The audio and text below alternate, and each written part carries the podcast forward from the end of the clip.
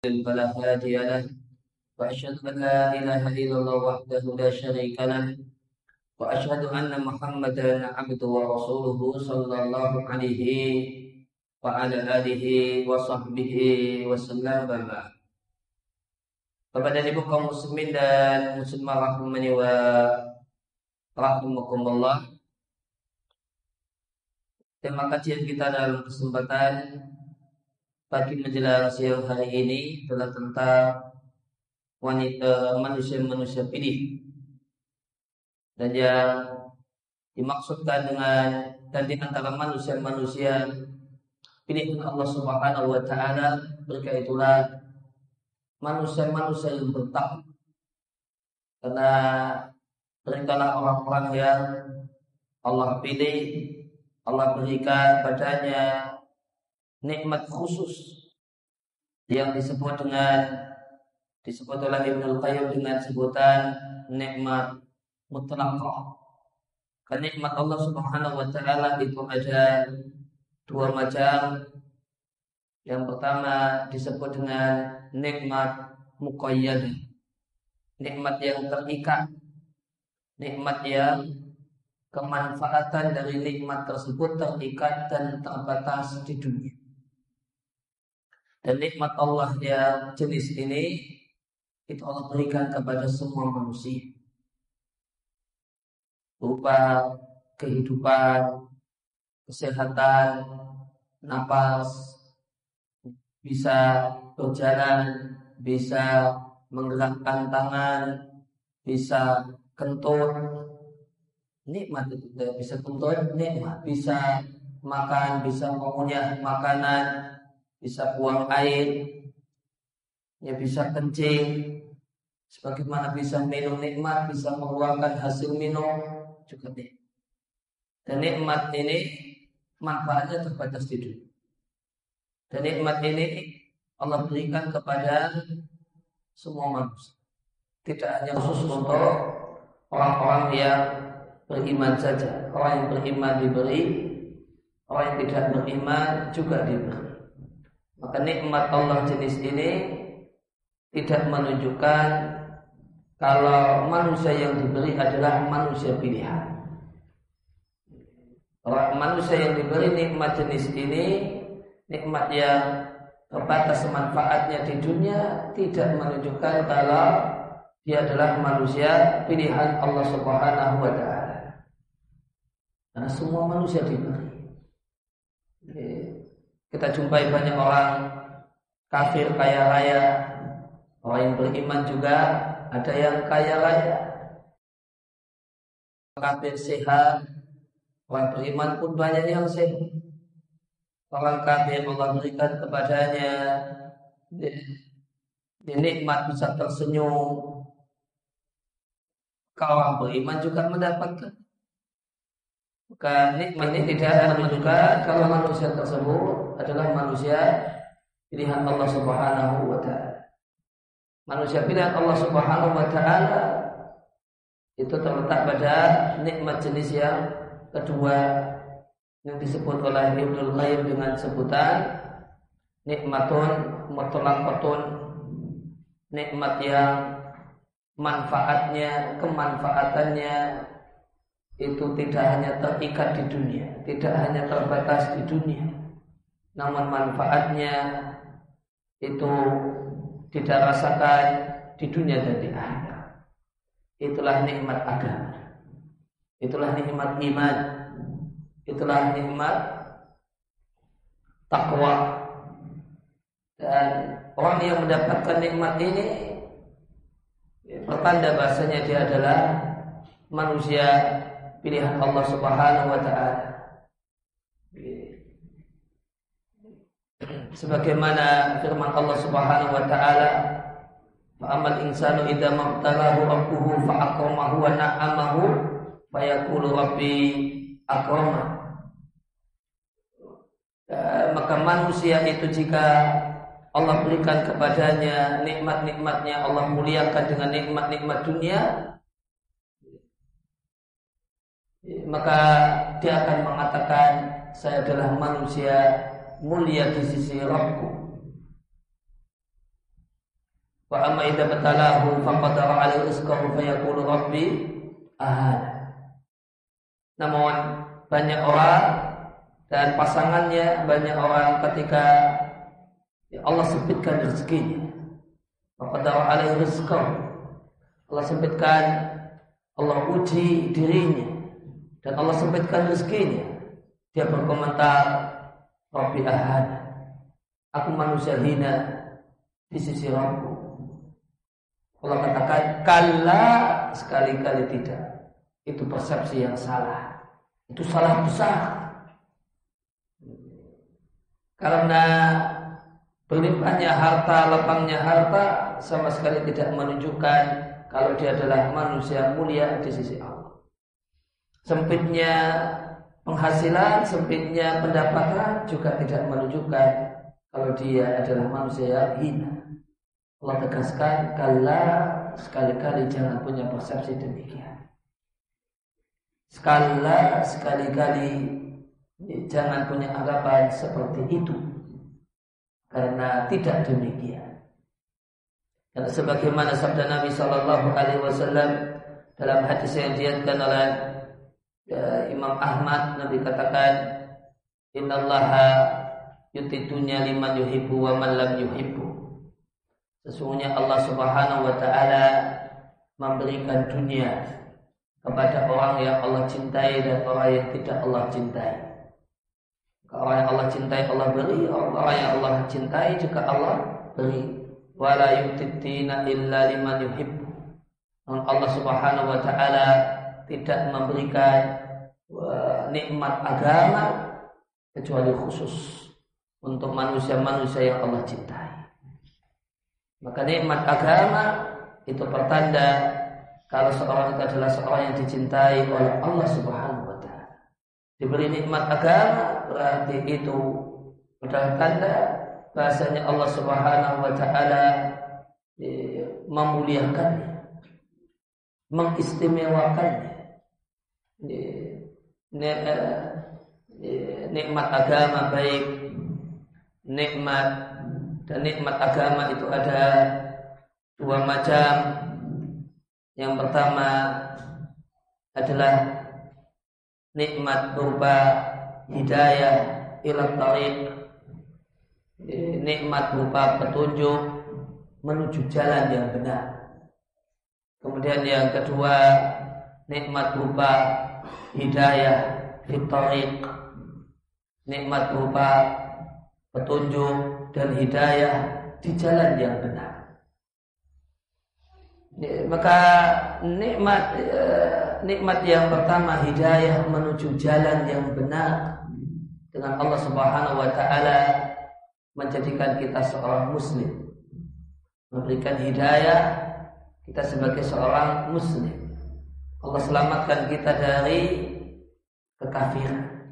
Maka itu nikmat besar nikmat besar yang sering dilalaikan oleh banyak orang. Itu anugerah Allah Subhanahu wa taala.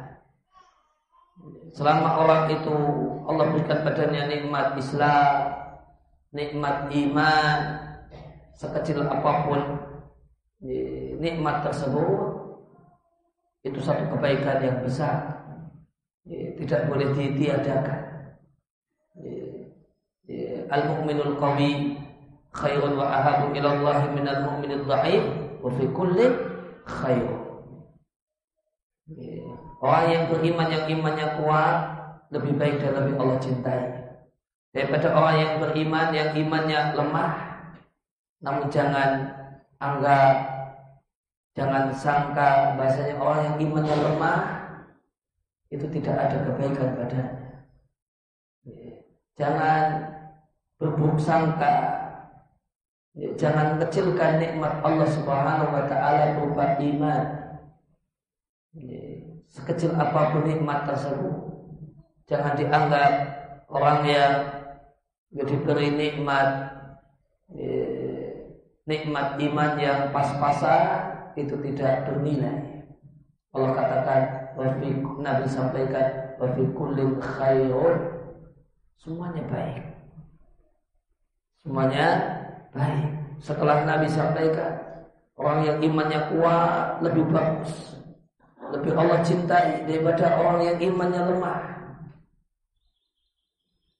Maka ketika mendengar kalimat semacam ini Sebagian orang punya kecenderungan meremehkan yang imannya lemah.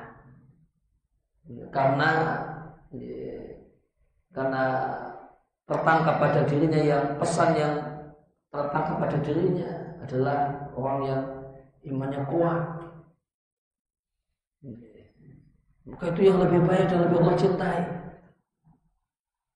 Sehingga kemudian ada cara pandang negatif atau serba negatif kepada orang yang imannya lemah, kepada orang imannya pas-pasan, karena dia adalah seorang muslim yang bergelimang maksiat. Seorang muslim yang masih bergelimang bid'ah. Dipandang 100% negatif. Karena dia imannya lemah. Ya, banyak orang yang punya cara pandang demikian dan Nabi sudah antisipasi. Bahasanya itu tidak boleh. Betul orang yang imannya kuat itu lebih Allah cintai dan itu yang lebih baik dan berupayalah menjadi orang yang demikian ya, tapi jangan ya, tiadakan jangan pandang negatif total kepada orang yang imannya pas-pasan imannya di didera masalah selama dia masih punya iman. Nabi katakan wafi untuk, antisipasi agar seorang muslim tidak punya cara pandang yang e, keliru semacam ini. Maka Nabi sampaikan wafi kullin khair. Pada semuanya terdapat kebaikan besar. Wafi kullin khair di sini ada nakirah di ta'zim. Kalimat kata infinitif yang menunjukkan besar. Wa fi kullin khairun. Baik imannya yang kuat ataupun imannya yang lemah. Ada padanya kebaikan yang besar, nikmat Allah yang agung, nikmat iman. Yang Nabi Shallallahu Alaihi Wasallam sampaikan dalam hadis yang sahih, bahwasanya orang yang beriman yang terakhir masuk surga. Artinya dengan kadar iman yang paling kecil. Di titik yang paling kecil. Di titik yang paling kecil. Ya, maka Allah katakan kepada orang yang terakhir masuk surga dengan keadaan iman yang paling rendah tersebut. Allah minta Iya, bayangkan untukmu kehidupan yang paling menyenangkan, kehidupan yang paling enak, iya, kehidupan yang paling enak. Kemudian dia pun membayangkan kehidupan dunia yang paling enak. Setelah mentok dia berangan-angan, setelah maksimal berimajinasi, maka Allah Subhanahu wa taala katakan untukmu seperti itu dan sepuluh kali lipatnya.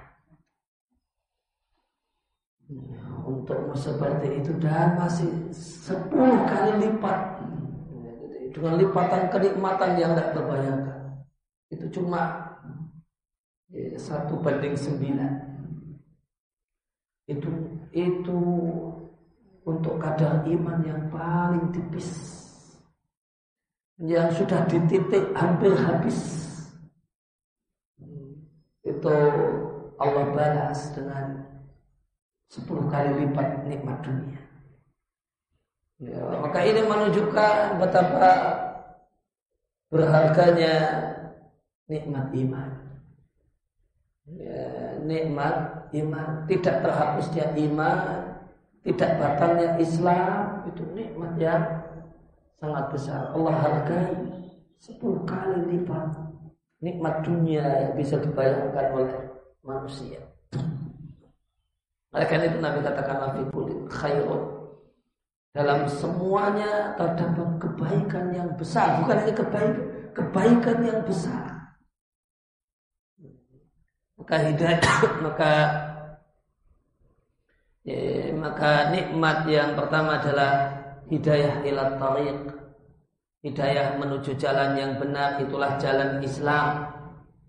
Dan ini adalah nikmat yang sangat besar ya, tidak boleh dianggap remeh, tidak boleh dianggap kecil, dianggap tidak boleh dianggap tidak bernilai, tapi dia nikmat besar. Memiliki iman, memiliki Islam. Ya, namun kemudian yang kedua ada nikmat hidayah fitariq, hidayah di jalan yang benar, hidayah di jalan Islam. Sehingga dengan sebab hidayah ini, Allah selamatkan kita dari aliran-aliran sesat dalam Islam. Aliran-aliran sesat yang masih saudara kita, muslim. Dengan nikmat hidayah ini maka e, Allah jadikan kita e, sebagai seorang muslim sunni ya, muslim yang akidahnya akidah ahlu sunnah wal jamaah. Satu nikmat Allah subhanahu wa ta'ala yang besar. Demikian juga ketika seorang itu mendapatkan hidayah fitarik hidayah di jalan kebenaran maka Allah selamatkan kita dari berbagai macam maksiat dan fitnah syahwat sehingga kita tidak menjadi manusia yang bergelimang dalam dosa yang berenang dalam kubangan maksiat. Namun kita bisa dekat dengan masjid kita dekat dengan majelis ilmu dekat dengan orang-orang baik dengan orang-orang soleh dekat dengan dengan berbagai macam amal kebajikan proyek-proyek amal soleh maka itu satu nikmat Allah Subhanahu wa taala yang besar dan dia adalah nikmat yang istimewa, nikmat yang Allah berikan kepada manusia, manusia pilihan Allah Subhanahu wa taala. Dan untuk uh, lebih uh, detailnya kita akan bahas tentang manusia-manusia pilihan ini mengacu pada lima ayat yang pertama dari surat Al-Baqarah yang menjelaskan tentang kriteria manusia-manusia bertakwa. Sebelumnya sedikit tentang surat Al-Baqarah. Surat Al-Baqarah adalah surat Madaniyah, ya, surat yang turun sebelum setelah Nabi hijrah ke Madinah. Dan surat Al-Baqarah adalah termasuk surat yang awal-awal turun di kota Madinah. Dan surat Al-Baqarah ini ayatnya ada 286 ayat. Meskipun sebenarnya ada perselisihan di antara ulama yang menekuni bidang penghitungan jumlah ayat Al-Quran. Dan di antara istimewanya surat Al-Baqarah adalah perkataan sebagian ulama wahya mustamilatun ala alfi khobarin wa alfi amrin wa alfi nahyin Surat Al-Baqarah itu memuat seribu berita, seribu perintah, dan seribu larangan. Ada seribu perintah Allah di surat Al-Baqarah, ada seribu larangan Allah di surat Al-Baqarah, sebagaimana ya ada seribu informasi dan berita yang Allah sampaikan yang wajib untuk kita imani dan kita percaya. Maka di antara di, antara hal yang e, penting untuk e, bagian dari Al-Quran yang penting untuk dipelajari tafsirnya. Di antara e, tafsir Al-Quran yang sangat penting untuk dipelajari oleh seorang muslim ya, itu adalah awal Al-Quran dan akhir Al-Quran. Ya, seandainya orang itu bisa belajar keseluruhannya, itu yang paling ideal. Tapi jika ya, tidak bisa atau tidak mampu demikian, ya, maka kalau memungkinkan tidak terluput dari awalnya dan akhirnya. Tafsir Juz Amma dan tafsir Al-Fatihah plus Al-Baqarah.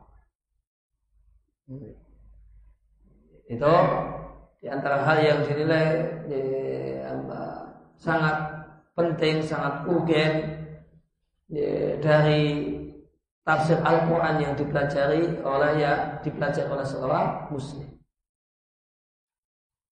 Dan sebagaimana kita ketahui bahasanya ayat atau ya, surat setelah Al-Fatihah ini disebut surat Al-Baqarah.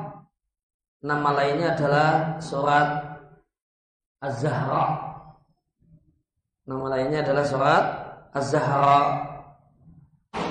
Dan surat Al-Baqarah dan Ali Imran itu disebut dalam hadis dengan sebutan Zahrawain dua yang bercahaya Sebagaimana sabda Nabi Shallallahu Alaihi Wasallam dalam hadis yang diatkan oleh Muslim, Nabi katakan, Ikra'uz zahrawain Bacalah dua surat yang bercahaya yaitu Al-Baqarah wa surat Ali Imran yaitu surat Al-Baqarah dan surat Ali Imran. Fa innahuma ta'tiyani yaumal qiyamati ka'annahuma ghumamatani karena amalan membaca surat Al-Baqarah dan Ali Imran itu nanti akan datang pada hari kiamat seakan-akan keduanya adalah dua mendung yang akan menjadi naungan bagi orang yang membacanya.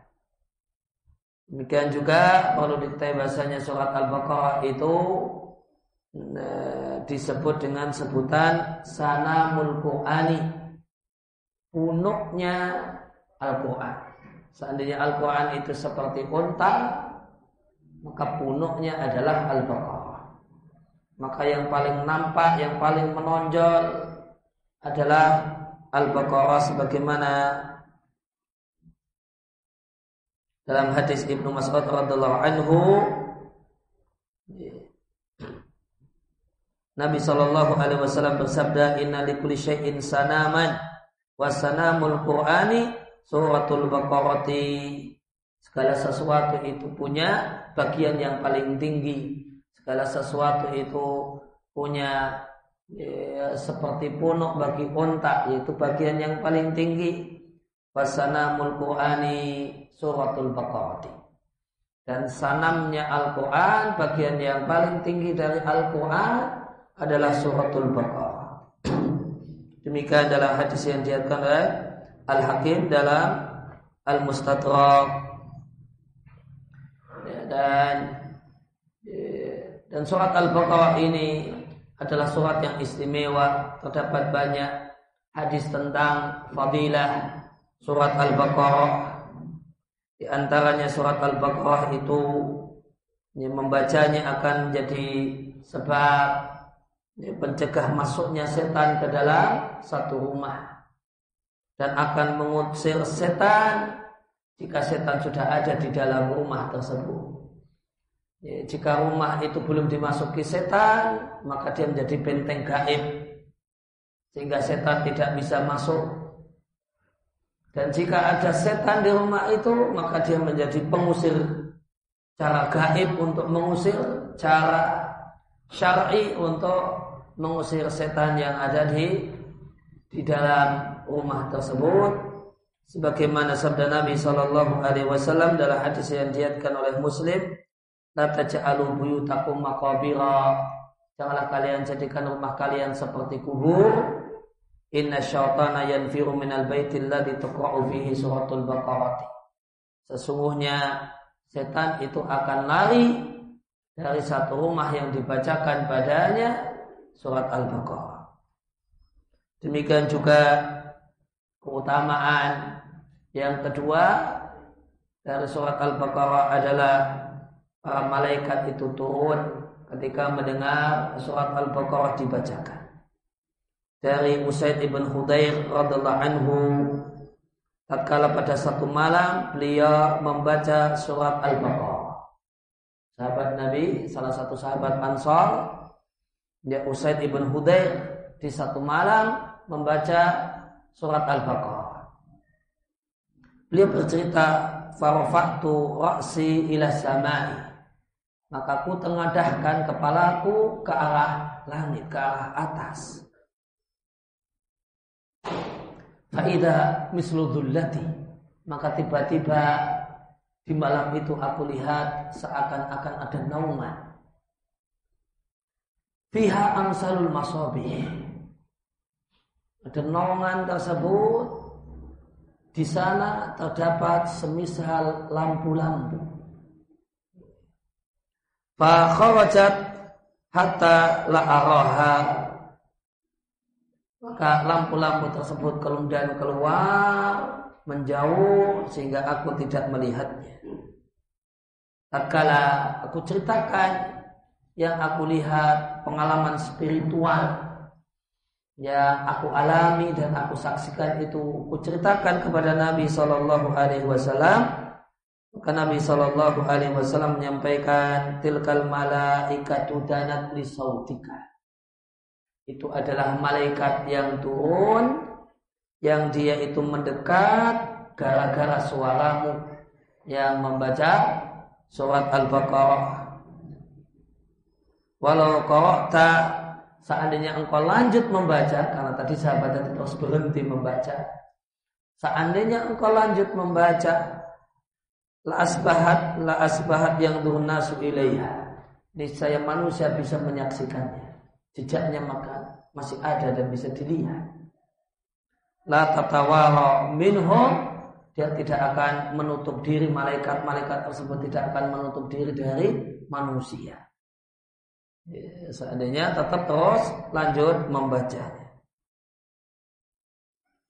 Kemudian yang ketiga di antara keistimewaan surat Al-Baqarah, Nabi perintahkan untuk ada perintah khusus untuk dari ada perintah khusus dari Nabi untuk mempelajarinya. Sebagaimana sabda Nabi Shallallahu Alaihi Wasallam, "Ikra'u wa fi riwayatin ta'allamu pelajarilah surat Al-Baqarah. Pelajarilah surat Al-Baqarah. Dan perintah Nabi untuk eh, belajar surat Al-Baqarah. Eh, maka eh, perlu kita agendakan untuk membaca surat Al-Baqarah, untuk belajar surat Al-Baqarah.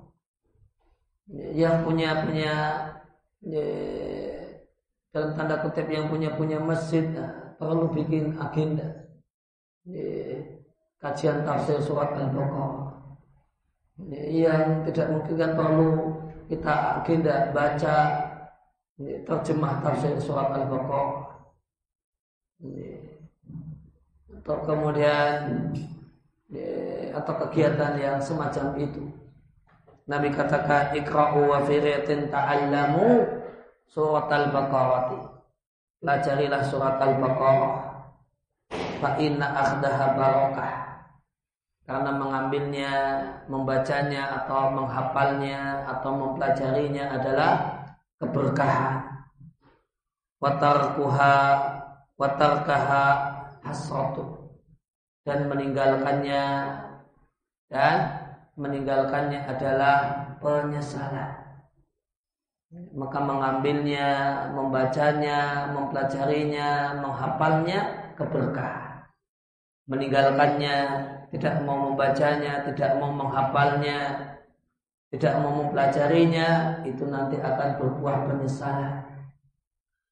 Wala tastati'u hal batalah. Dan eh, ada beberapa penjelasan untuk makna kalimat ini, di antaranya ya, dan tukang sihir tidak bisa menembusnya ya, dan tukang sihir tidak akan mampu menyerang orang yang membaca surat al-baqarah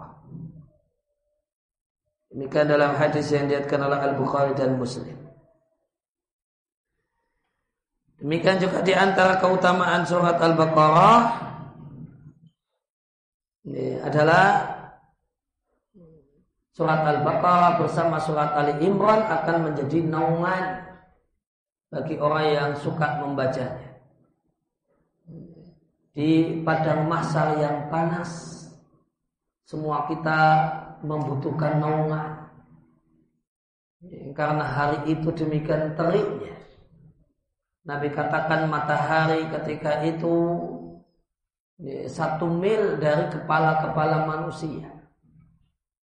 Ada ulama dan satu mil di sini ada dua penjelasan ulama dan mengatakan satu mil di satu mil jarak kurang lebih cuma satu kilo satu kilo koma sekian pendapat yang kedua yang dimaksud dengan mil itu adalah pensil celak yang dimaksud dengan mil di sini adalah pensil celak.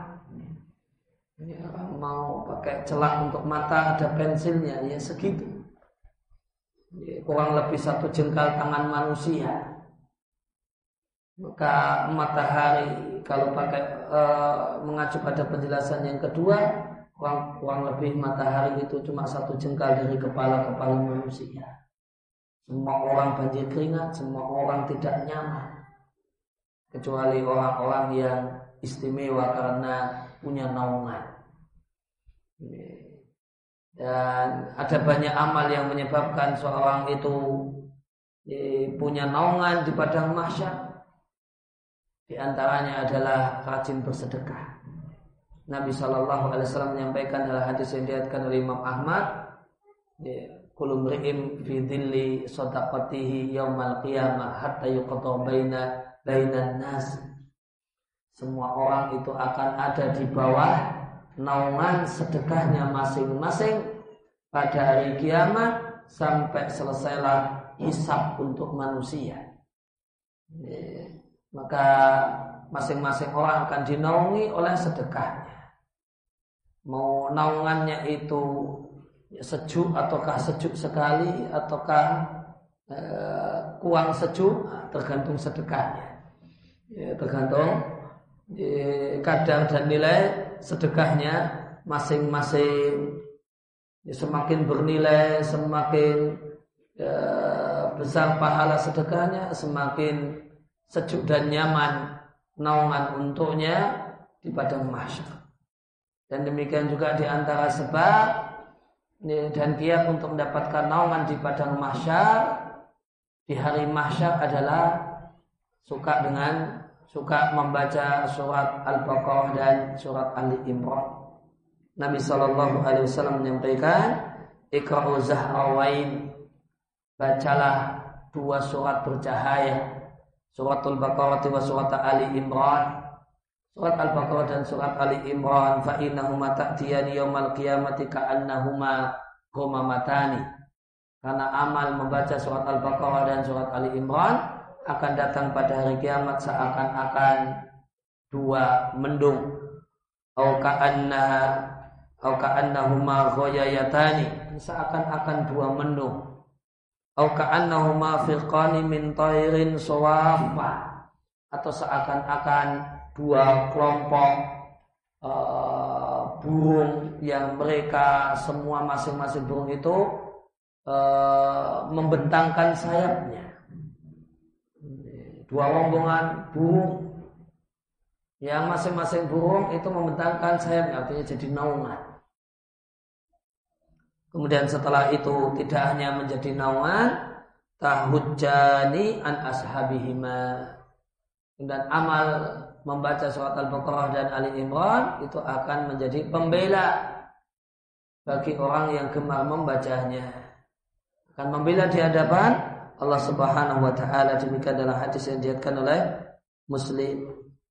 Arti hadis ini pahala membaca surat Al-Baqarah dan Ali Imran seakan-akan dua potong dua bagian dari mendung yang menaungi orang yang suka membacanya dari terik matahari saat berada di padang mahsyar. Atau seakan-akan keduanya adalah dua kelompok burung yang ya, yang terbangnya berhenti, ya, kemudian dalam keadaan berbaris dan membentangkan sayapnya satu dengan yang lain bersambung dan akan membela orang yang gemar membacanya. Di hadis yang lainnya yang dihatkan oleh Imam Muslim, Nabi Shallallahu Alaihi Wasallam menyampaikan, "Yuk tabil Qurani yaumal qiyamah." Akan dihadirkan amal soleh membaca Al-Quran pada hari kiamat. Wa ahli alladzina kanu ya'maluna ya'maluna bihi.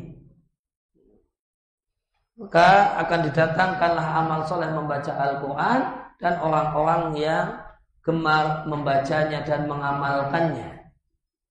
Taqdumuhu suratul Baqarah wa Ali Imran yang paling depan adalah surat Al-Baqarah dan surat Ali Imran.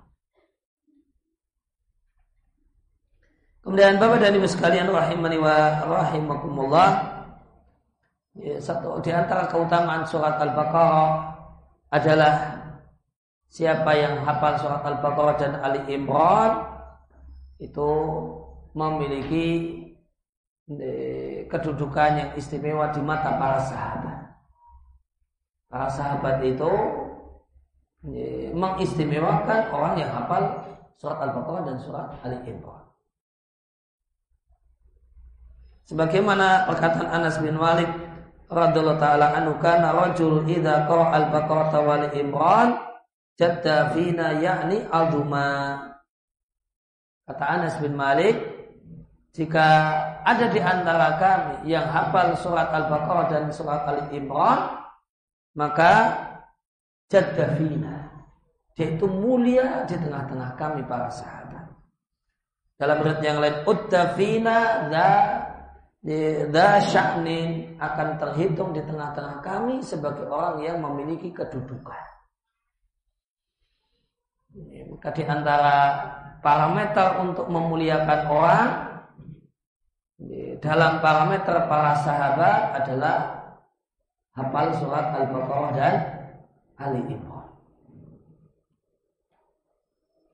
Dan e, terkadang gara-gara hafal surat Al-Baqarah maka seorang itu itu jadi alasan untuk menunjuk dan mengangkat seseorang sebagai panglima perang.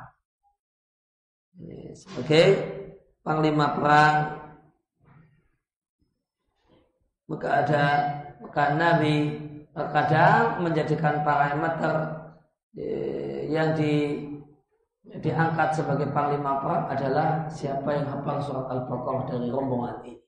Nah, dialah yang di, eh, ditunjuk oleh Nabi sebagai kepalanya, sebagai ketuanya. Kemudian di dalam satu hadis yang dilihatkan oleh Imam Ahmad, Nabi Shallallahu Alaihi Wasallam menyampaikan, "Man akhoda sab'a al awwala fawahabu." Siapa yang hafal tujuh surat pertama dari Al-Quran, tujuh surat panjang yang pertama dari Al-Quran, fawahabu, maka dia adalah ulama maka dia adalah orang yang berilmu. Tentu di sini tidak hanya menghafal redaksinya namun juga tahu kandungannya. Siapa yang hafal dan menguasai tujuh surat panjang pertama dari awal mushaf, maka dia adalah alim, dia adalah ulama. Kemudian di hadis yang lainnya yang diatkan oleh Baihaqi dalam Syu'abul Iman, Nabi Shallallahu Alaihi Wasallam menyampaikan, "Ukti itu makan Taurat sab'ati wala." Untukku Taurat itu digantikan dengan tujuh surat panjang. Maka tujuh surat terpanjang yang ada di awal awal mushaf Al-Quran itu pengganti Taurat kata Nabi. Itu pengganti Taurat. Dan yang dimaksud dengan maka ada istilah as-sab'at tiwal. Tujuh surat terpanjang yang ada di awal mushaf Al-Quran. Ini istimewa.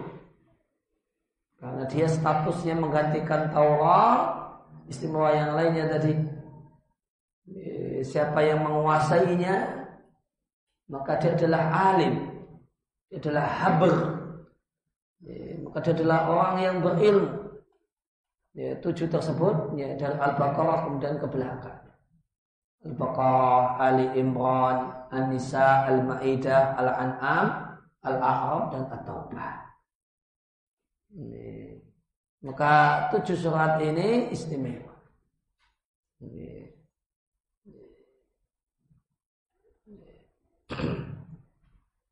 Di antara dari tujuh tersebut termasuk di dalamnya Al-Baqarah.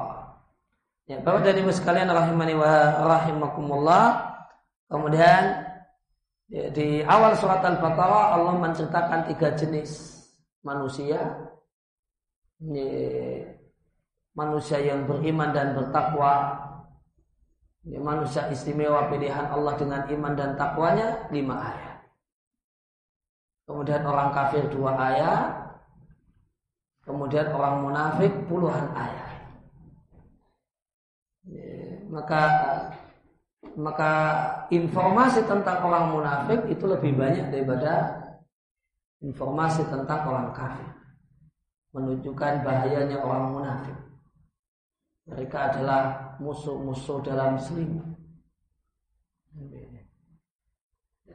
Dan di antara bahayanya adalah kalau orang munafik ini mengucapkan kemunafikannya, maka kalau orang itu mengucapkan kalimat-kalimat kemunafikan dan dia yang mengucapkan orang kafir di luar Islam, ya, kaum muslimin tidak terkecoh. Ya, tapi kalau itu diucapkan oleh orang-orang munafik, oleh orang yang ngaku Islam, bahkan diberi label cendekiawan Muslim, diberi label kehormatan ini dan itu tokoh muslim. Maka ucapan-ucapan kemunafikan mengolok-olok syariat mempertanyakan kewajiban sholat lima waktu dan yang lainnya itu ada saja ya terkecoh, ada saja yang membela, ada saja yang ya, menafsirkannya dengan ya, memaknainya dengan makna yang baik. Karena karena yang mengucapkan adalah uh, orang yang menisbatkan dirinya sebagai seorang muslim. Sehingga informasi tentang mereka lebih banyak daripada ya, tentang orang kafir. Maka Allah Subhanahu wa taala katakan di awal surat Al-Baqarah Alif Lam Mim Dzalikal kitabu la raiba fih hudal lil muttaqin. Maka alif lam mim disebut dengan huruf yang terpotong-potong dan tentang apa maknanya, apa maksudnya, ada banyak penjelasan ahli tafsir tentang hal tersebut.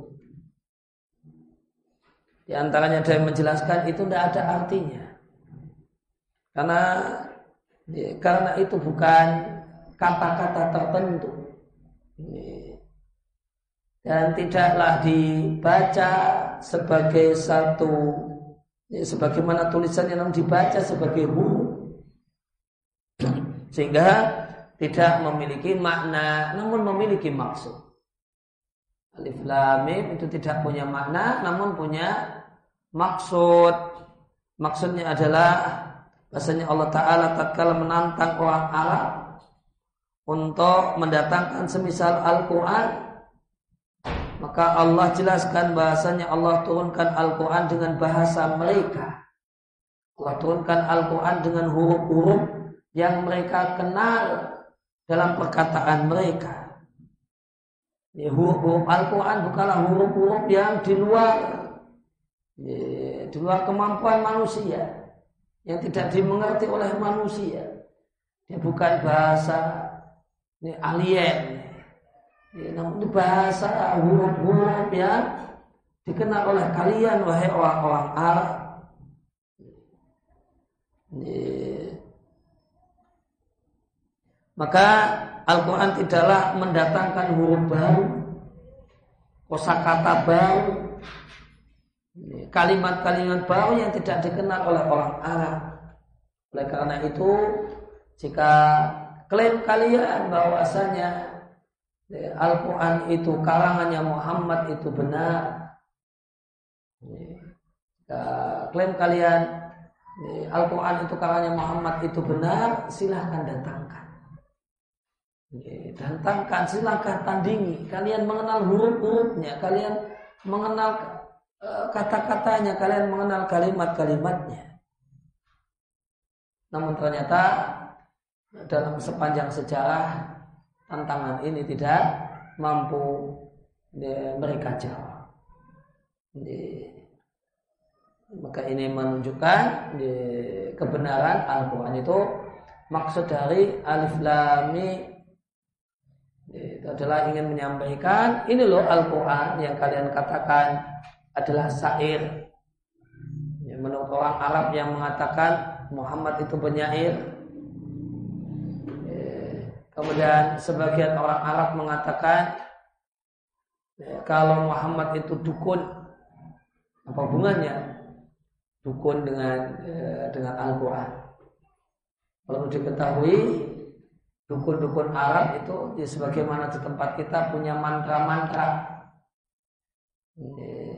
dan di masa silam mantra dukun itu punya ciri khas yaitu bersaja. Mantra dukun Arab itu bersaja. Kalimat belakangnya sama. Kalimat belakangnya sama. Ya, seperti ayat-ayat Al-Quran Kulullahu ahad Allahu somad Lam yalid walam yulad Jatuh dal semua ya, Maka ya, dukun Arab itu punya mantra ketika mereka ngasih jambi-jambi ada yang diucapkan. Nah mantranya itu pasti bersaja. Sehingga jika ada kalimat bersaja itu sering kali identik dan dianggap identik dengan mantra-mantranya uh, dukun Arab. Sehingga disebut dengan uh, sajaul kuhan sajaknya para dukun.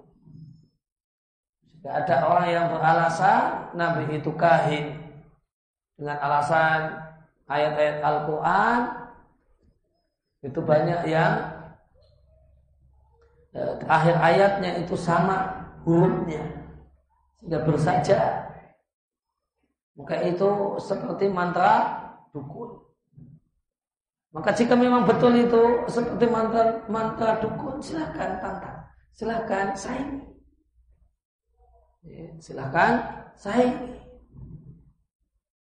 Namun secara mencatat tidak ada yang mampu menyaingi padahal mereka sangat ingin sekali menunjukkan eh, kelemahan Al-Quran dan dustanya Nabi Shallallahu Alaihi Wasallam. Kemudian lanjutannya ayat dalikal kitab. Itu makna asalnya itulah kitab. Namun yang diinginkan kitab ini. Jadi itu artinya adalah ini. Dan ini dalam ya, menurut orang Arab itu adalah bentuk pemuliaan. Sehingga sesuatu yang dekat namun mulia tidak disebut ini namun disebut itu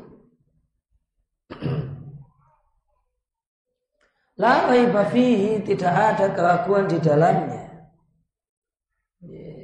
Dan sebenarnya raib itu tidak hanya sekedar ragu. Namun yang tepat asyaku al-muqli'u nafsi keraguan yang bikin cemas. Itu namanya raib. Keraguan yang bikin cemas, keraguan yang bikin deg-degan. Nah, itu raib. bukan hanya sekedar ragu dan bimbang. La fihi tidak ada keraguan padanya. Baik keraguan tentang hukumnya, keraguan tentang informasi-informasinya. Ya, isi Al-Quran itu kalau mau dibuat kategori besar ya isinya dua. Hukum sama berita. Isi Al-Quran itu kalau mau dibuat kategori besar itu isinya dua. Hukum sama berita. Berita dengan hukum. Ini hukum itu artinya perintah dan larangan. Berita atau informasi. Selain perintah dan larangan, insinya adalah berita dan informasi. Berita dan informasi tentang Allah, berita dan informasi tentang makhluk Allah. Nanti makhluk Allah macam-macam. Tentang malaikat, tentang jin, tentang manusia. Manusia nanti macam-macam. Nanti manusia yang beriman, manusia yang kafir, manusia yang munafik. Kemudian berita dan informasi tentang Allah. Ada sifat-sifat Allah, perbuatan Allah dan dan seterusnya. Maka semuanya tidak ada keraguan padanya. Hukumnya itu tidak diragukan adilnya. Informasinya, beritanya tidak diragukan kebenarannya. Oleh karena itu imani tanpa ragu. Dan perlu diketahui kalimat ini awal surat Al-Baqarah ini menurut banyak dari kita kalimat biasa. Nah, bagi orang yang merenungkannya dan bisa menangkap pelajaran darinya, kalimat pendek ini luar biasa. Ada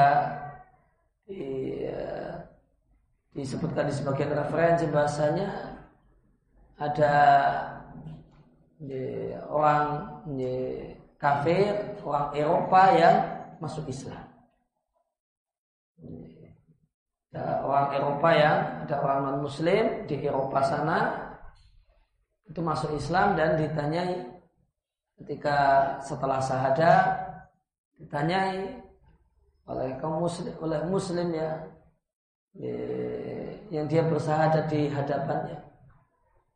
Apa yang mendorong untuk masuk Islam? Ya, apa sih yang e, menarik dari Islam? Menurutmu sehingga engkau rela meninggalkan agamamu? Maka jawabannya ya, saya tertarik karena Al-Quran. Apa yang paling uh, menginspirasi sehingga Al-Quran itu demikian menarik di hati. Dia katakan awal surat Al-Baqarah. Jadi gara-gara yang mana? Ya, dia katakan saya masuk Islam gara-gara ayat Dalikal kita pula raiba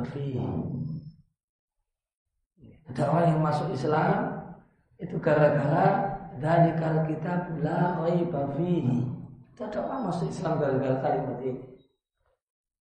Gara-gara merenungkan kalimat ini. Yang menurut banyak kita ini kalimat biasa saja. Tapi menurut dia itu luar biasa sampai menggoncangkan keimanannya dengan agamanya yang dulu sampai bisa menggerakkannya untuk masuk Islam. Gara-garanya Pak, dari kalau kita mulai mafi. Maka ditanya yang lebih lanjut. Nah, karena yang nanya juga heran. Kenapa dari kalau kita mulai mafi demikian menariknya? Tolong ceritakan lebih lanjut. Gimana maksudnya? Ya, kenapa dengan ada apa dengan dan kalau kita mulai ini? Ya, dia katakan saya sudah membaca berbagai macam buku. Saya mengenali buku-buku manusia. Tulisan-tulisan orang. Itu semua tulisan-tulisan orang yang saya baca itu mukodimahnya itu pasti minta maaf. Ya, pasti minta maaf.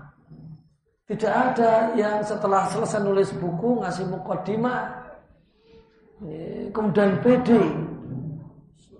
kemudian PD buku saya ini berisi informasi-informasi penting akurat terpercaya tanpa ada kesalahan sedikit pun di dalamnya. Tidak ada demikian. Semua orang nulis buku, meskipun penulisnya top-top, profesor-profesor di bidangnya, maka tetap ada permintaan maaf. Mohon maaf jika ada salah cetak, ada salah konten. Silahkan kasih kritik dan saran yang membangun nanti akan saya perbaiki di edisi berikutnya di edisi berikutnya. Silahkan kritik, silahkan koreksi, silahkan sampaikan. Itu semua orang nulis buku yang top-top, para peneliti, para ilmuwan, itu tidak ada yang pede memastikan semuanya tepat, akurat, terpercaya. Jangan diragukan. Tidak ada. Semuanya minta maaf dan semuanya meragukan yang dia tulis. Meragukan yang dia tulis barangkali ada yang keliru, barangkali ada yang salah. Sampaikan kritikan yang membangun untuk kami. Itu semua tulisan orang semuanya seperti itu. Nah ini ada ada satu buku di mukadimah awalnya itu sudah lain daripada yang lain. Dijamin semua informasi di sini akurat. Dijamin semua aturan di sini adil. Imani. Percayai tanpa Maka ini ini bukan mukodimah. Ini tulisan manusia. Ini nggak mungkin mukodimah. Ini tulisan orang ini. Tidak ada orang yang berani semacam ini. Nah, karena mikirkan dalikal kita bulawai bafi dengan cara berpikir demikian, akhirnya orang tersebut masuk Islam. Ya, masuk Islam gara-gara ayat awal surat Al-Baqarah. Dan perlu diketahui bahwasanya dalikal kita bulawai bafi itu adalah kalimat berita yang maknanya perintah. Redaksinya berita, tidak ada keraguan di dalamnya. Namun maknanya adalah perintah. Imanilah semua isinya. Percayailah tanpa ragu semua isinya. Hudan lil muttaqin. Ya, Al-Quran itu hidayah, yaitu cahaya, penjelasan dan petunjuk dari kesesatan yang akan membebaskan manusia dari kegelapan menuju cahaya lil muttaqin bagi orang-orang yang bertakwa. Itulah orang-orang yang menjadikan antara dia memiliki tameng pelindung antara dia dengan adab Allah Subhanahu wa taala dan tidak ada tameng pelindung yang menjaga seorang dari adab Allah selain melaksanakan apa yang Allah perintahkan dan menjauhi yang Allah larang. Maka artinya dan mereka menjaga diri dari kemusyrikan dan semua hal-hal yang Allah haramkan. Kemudian perlu diketahui bahasanya wakaf di eh, di sini disampaikan kalau wakaf di lain ya, wakafnya di la bafi wakafnya di fi itu lebih baik daripada wakafnya di la. Ada dua pilihan wakaf. Namun la raib fi wakaf kemudian berhenti di situ itu yang lebih baik. Kenapa? Karena kemudian hudan lil muttaqin itu sifat bagi Alkitab. Ya, sehingga tegas itu la hudan lil muttaqin itu adalah sifat bagi Al-Qur'an. Kemudian pelajaran yang bisa kita ambil dari ayat ini dari kita la raiba maka di sini kita digunakan kata tunjuk jauh. Dalika itu untuk menunjuk Al-Quran yang dekat. Dan ini maknanya adalah menunjukkan tingginya kedudukan Al-Quran dan kemuliaan Al-Quran. Sehingga yang dekat diisyaratkan dengan yang jauh. Kemudian di sini kita jumpai Al-Quran itu diberi label kitab. Dan yang dimaksud dengan kitab adalah maktub, sesuatu yang ditulisi. Sesuatu yang ditulis. Maka hal ini menunjukkan perhatian Allah Subhanahu wa taala dengan Al-Qur'an karena Allah menuliskan ayat-ayat Al-Qur'an di sisinya. Di Lauhil Mahfud, di Lauhil Mahfud itu ada Al-Qur'an lengkap 30 juz. Demikian juga Allah jadikan Al-Quran itu tertulis di lembaran-lembaran yang dipegang oleh malaikat. Demikian juga tertulis dalam mushaf-mushaf yang dipegang oleh manusia. Ya, maka Al-Quran itu kitab di tiga sisi. Ya, tertulis di lahil mahfud. Tertulis di lembaran-lembaran yang dipegang oleh malaikat. Tertulis di mushaf-mushaf yang dipegang oleh manusia. Kemudian isi lain yang dari ayat ini adalah Al-Quran adalah hidayah bagi orang-orang yang bertakwa. Dan bukan hidayah bagi orang kafir dan keras kepala. Bagi orang-orang munafik yang ragu-ragu dengan kebenaran Islam. Karena untuk mereka-mereka, orang kafir dan orang munafik, maka Al-Quran itu satu hal yang gelap bagi mereka. Bahkan untuk mereka Al-Quran itu bisa saja malah menjadi tambahan kesesatan. Tambahan kesesatan. Bukan tambahan pencerahan. Kalau untuk orang yang beriman, Udalil mutakin, tambahan pencerahan bagi orang yang beriman. Tapi kalau untuk orang munafik, untuk orang kafir, maka itu tambah gelap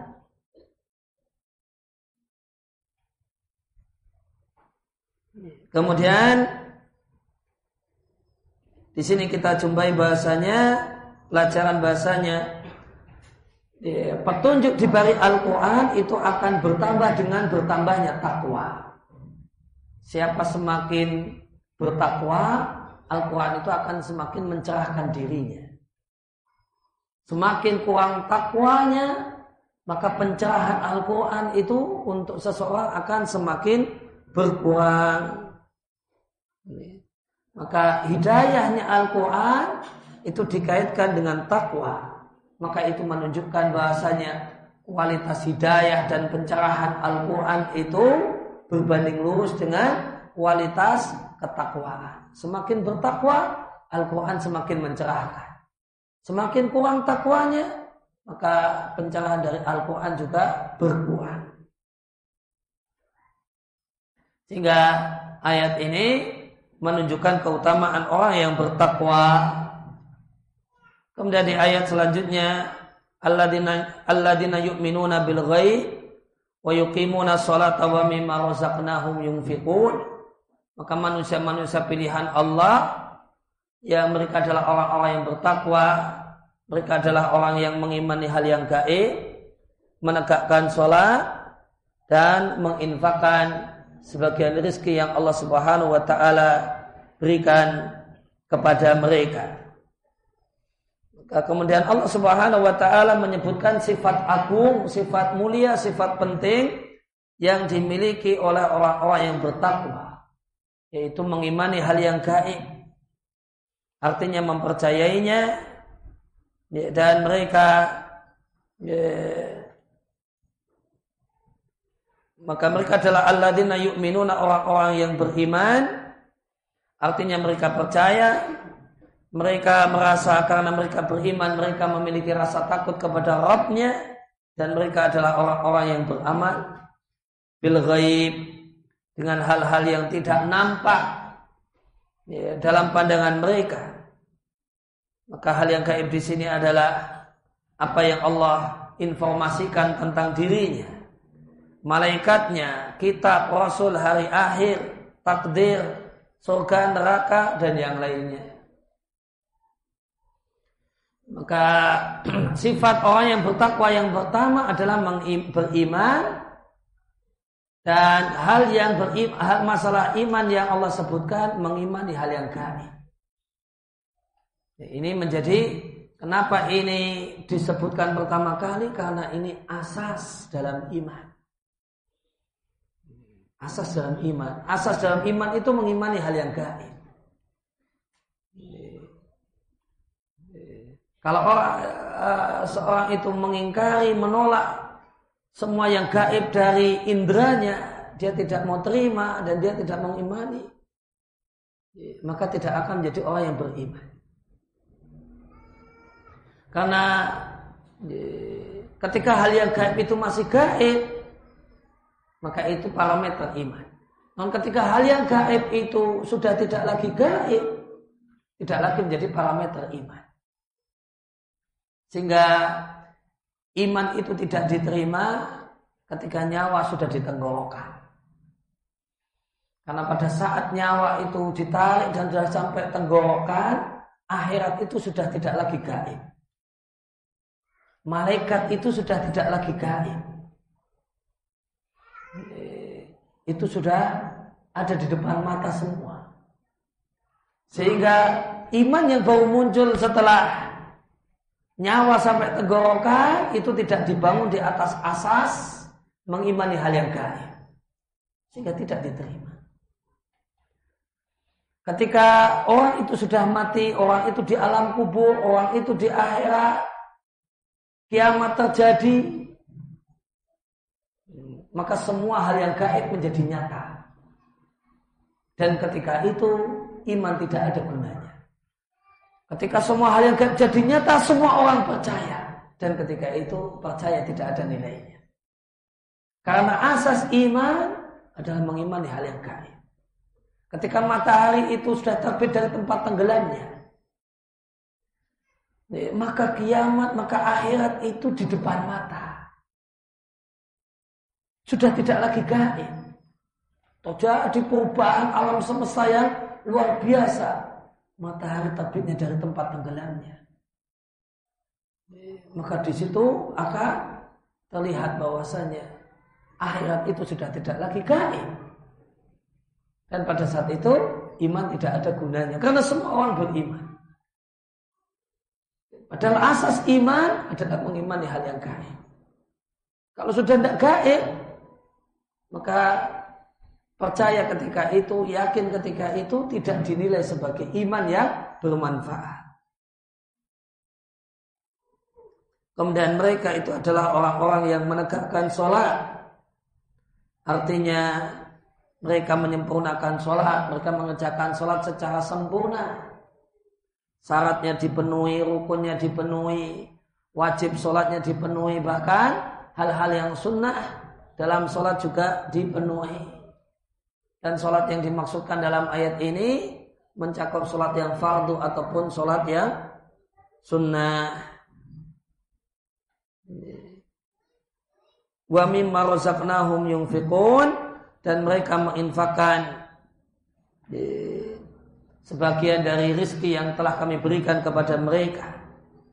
Maka sebagian nikmat yang kami berikan pada mereka, kami hibahkan kepada mereka kami anugerahkan kepada mereka, mereka infakkan. Dan infak yang dimaksudkan di sini adalah infak mustahab dan infak wajib. Di antara infak wajib bayar zakat. Di antara infak wajib adalah nafkah untuk anak dan istri. Infak wajib itu nafkah untuk anak dan istri. Dan perlu diketahui bahasanya ya, infak wajib berupa ya, terdapat perbedaan status antara ya, nafkah istri dengan nafkah anak. Ya, kalau nafkah istri tidak dibayarkan jadi utang bagi suami. Suami punya utang sama istrinya. Ya, ketika tidak memberikan nafkah istri. Nafkah istri itu tidak tidak lunas dengan berlalunya waktu. Sudah lewat, berarti ya sudah. Itu tidak berlaku untuk nafkah istri. Ketika berlalu belum dibayar jadi hutang. Tapi kalau nafkah anak ini sudah berlalu itu tidak jadi hutang, ya sudah. Ini awalnya. Kemudian tidak dinafkahi akhirnya sama oh, sama ini, ayahnya kemudian dinafkahi sama kakeknya. Ini, sekarang sudah dinafkahi selama 10 tahun misalnya oleh kakeknya. Itu anak tidak bisa setelah, setelah eh, masa PHK-nya sudah selesai punya pekerjaan ya, maka kemudian istri mengeluarkan tagihan ya, mana nafkah enam bulan saya kemarin?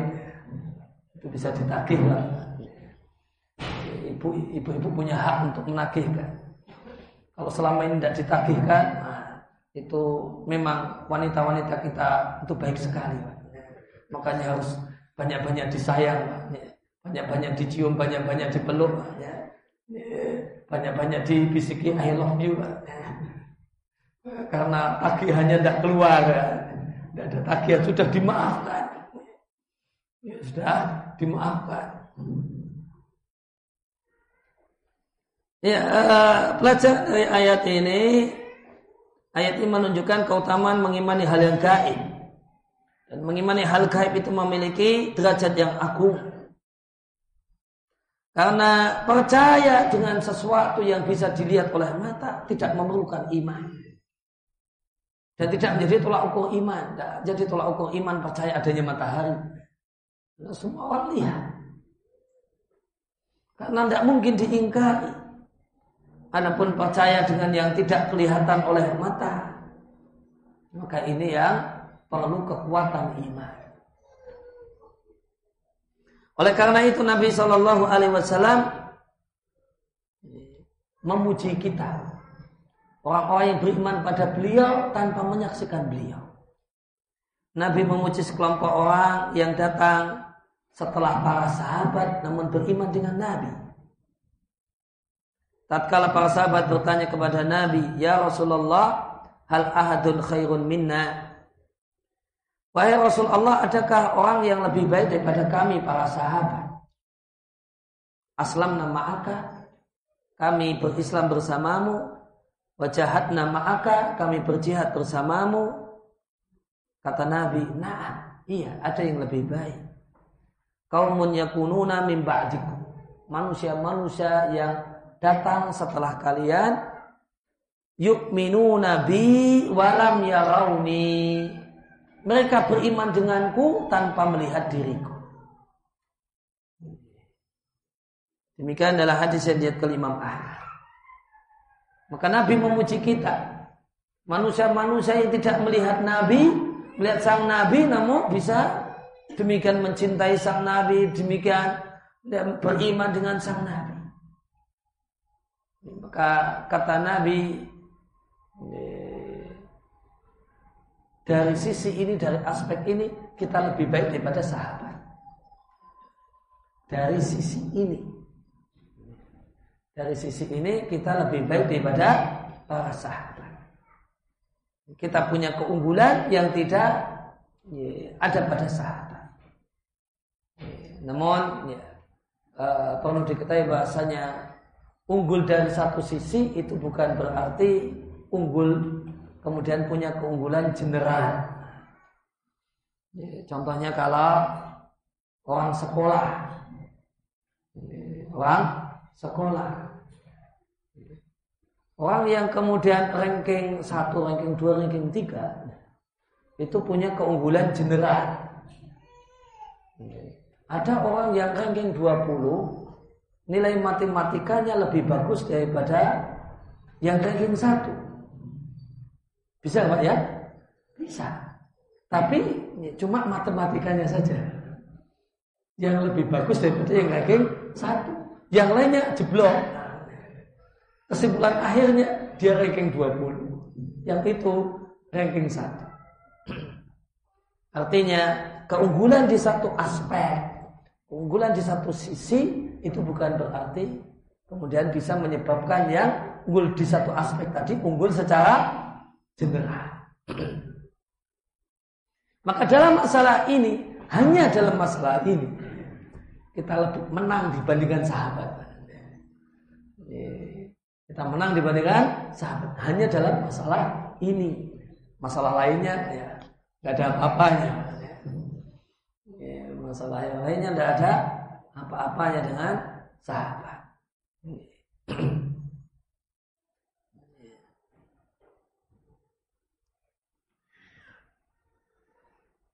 Ya, kemudian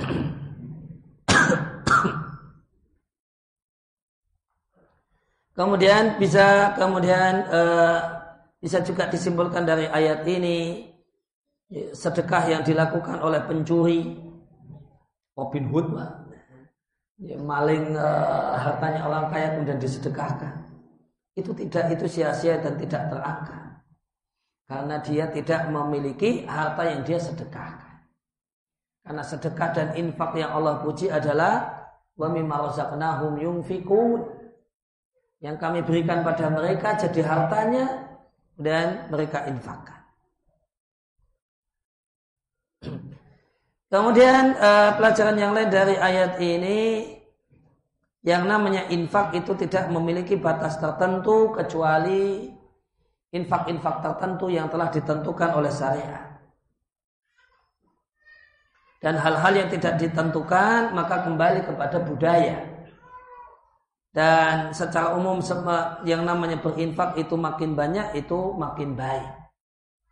Kalau untuk zakat yang sudah ditentukan ya maka harus sesuai dengan yang ditentukan.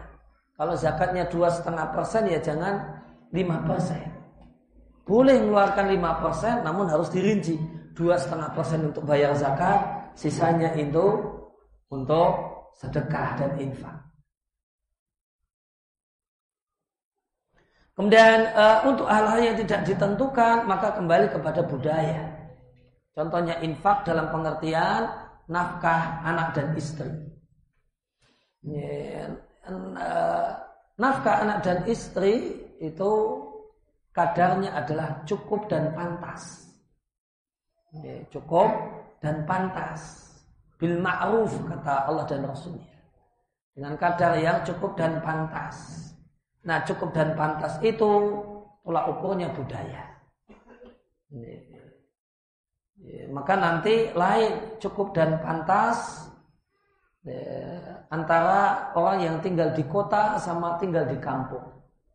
Kampungnya pelosok banget sama yang cuma kampung biasa nanti juga tolak ukur cukup dan pantasnya itu beda. Ini sudah memberikan tuh anak istri makanan yang layak. Itu di kota Bandar Lampung.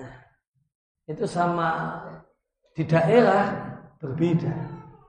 Di kampung posok di gunung sana, nah itu nanti lain lagi. Di kampung itu boleh jadi cukup, dibawa ke Bandar Lampung itu jadi ngenes. Jadi menderita ini kok makannya kok cuma seperti ini.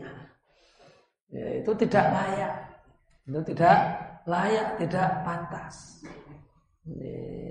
Maka ya,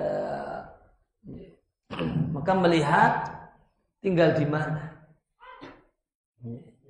Demikian juga layak dan pantas itu melihat latar belakang istri. Rumah yang layak, layak huni, itu beda. Berbeda-beda sesuai dengan strata sosialnya. Kalau ya, seorang laki-laki itu punya istri dari ya orang biasa, ya, dia dari keluarga menengah ke bawah, ya, mungkin gambaran ekstrimnya ya ayahnya cuma tukang becak misalnya. Itu ya rumah ala kadarnya itu sudah setara dengan rumah bapaknya, nah, layak. Tapi kalau punya istri anak konglomerat, nah itu harus mikir-mikir. ngasih siap ngasih rumah yang layak sebagai nafkah tempat tinggal untuk istri itu nanti melihat strata sosialnya untuk yang layak untuk anaknya tukang becak tadi itu ngenes sekali untuk anaknya kolong berat itu itu ngenes sekali itu menderita itu Nanti kamu dan jika ibu mertua datang itu menangis berderai air mata. Ya, menangis berderai air mata. Hidupmu kok susah. Ya gitu. Ya, maka uh, nafkah nafkah untuk anak dan istri tidak ditentukan oleh syariat, kembali kepada budaya. Namun satu hal yang penting perlu disadari para suami bahwasanya hak nafkah tempat tinggal untuk istri itu yang menjadi hak istri adalah tempat tinggal independen. Tidak dibersamai oleh keluarga suami. Baik itu ibunya suami, bapaknya suami, bahkan meskipun itu adalah anak suami dari istri yang dulu. Kecuali jika istri itu ridho Ya, kecuali jika istri itu ridho. Kalau istri tidak ridho, saya tidak mau bareng adik. Ya, saya tidak mau bareng sama ibu.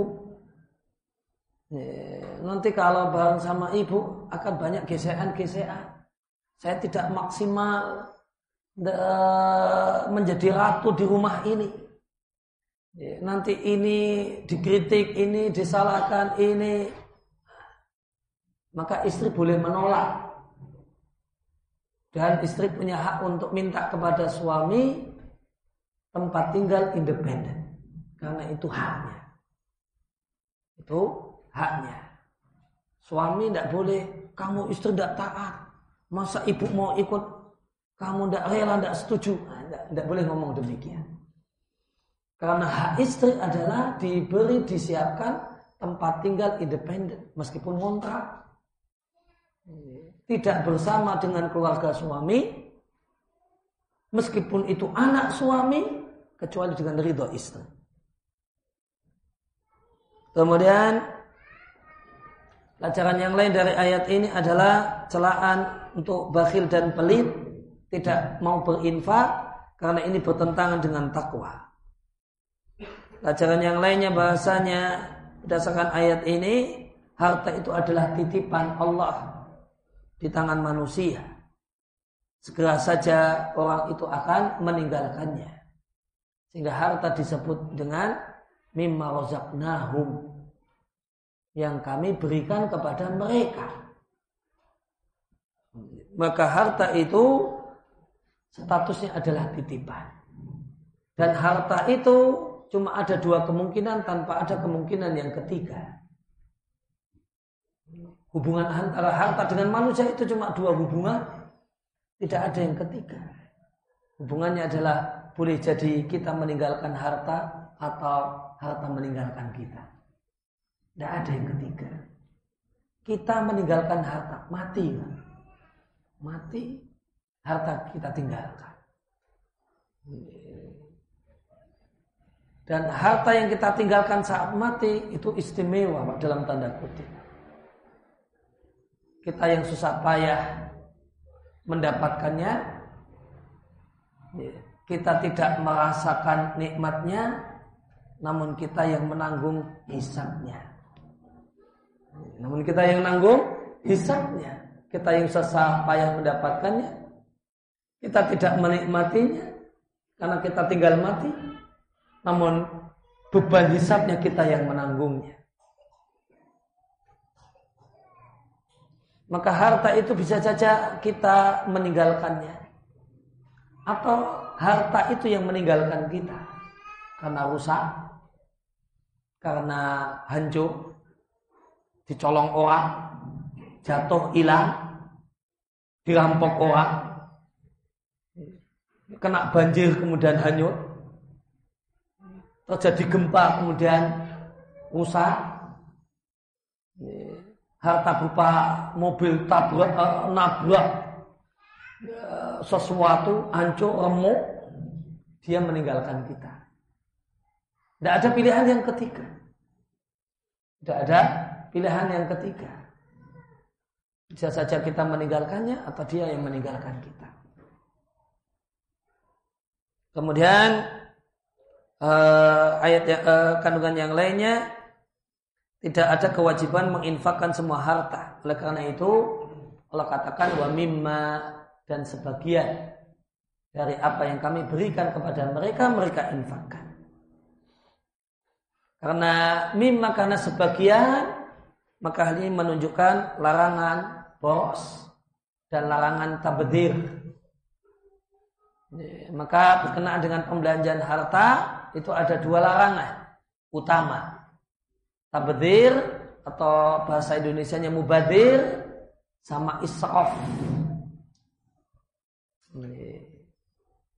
Perlu diketahui tabdir atau mubadir itu adalah harta yang digunakan untuk maksiat meskipun hanya seribu rupiah. Ketika itu untuk dipakai untuk maksiat, pulsa data nilainya seribu rupiah atau lima ratus perak tapi untuk maksiat itu tabdir. Sedangkan israf itu membelanjakan harta untuk hal yang mubah namun berlebihan. Untuk beli makanan yang makanan itu makanan mubah dan halal, yang dimakan cuma separuh, sisanya dibuang. maka ini tabdir.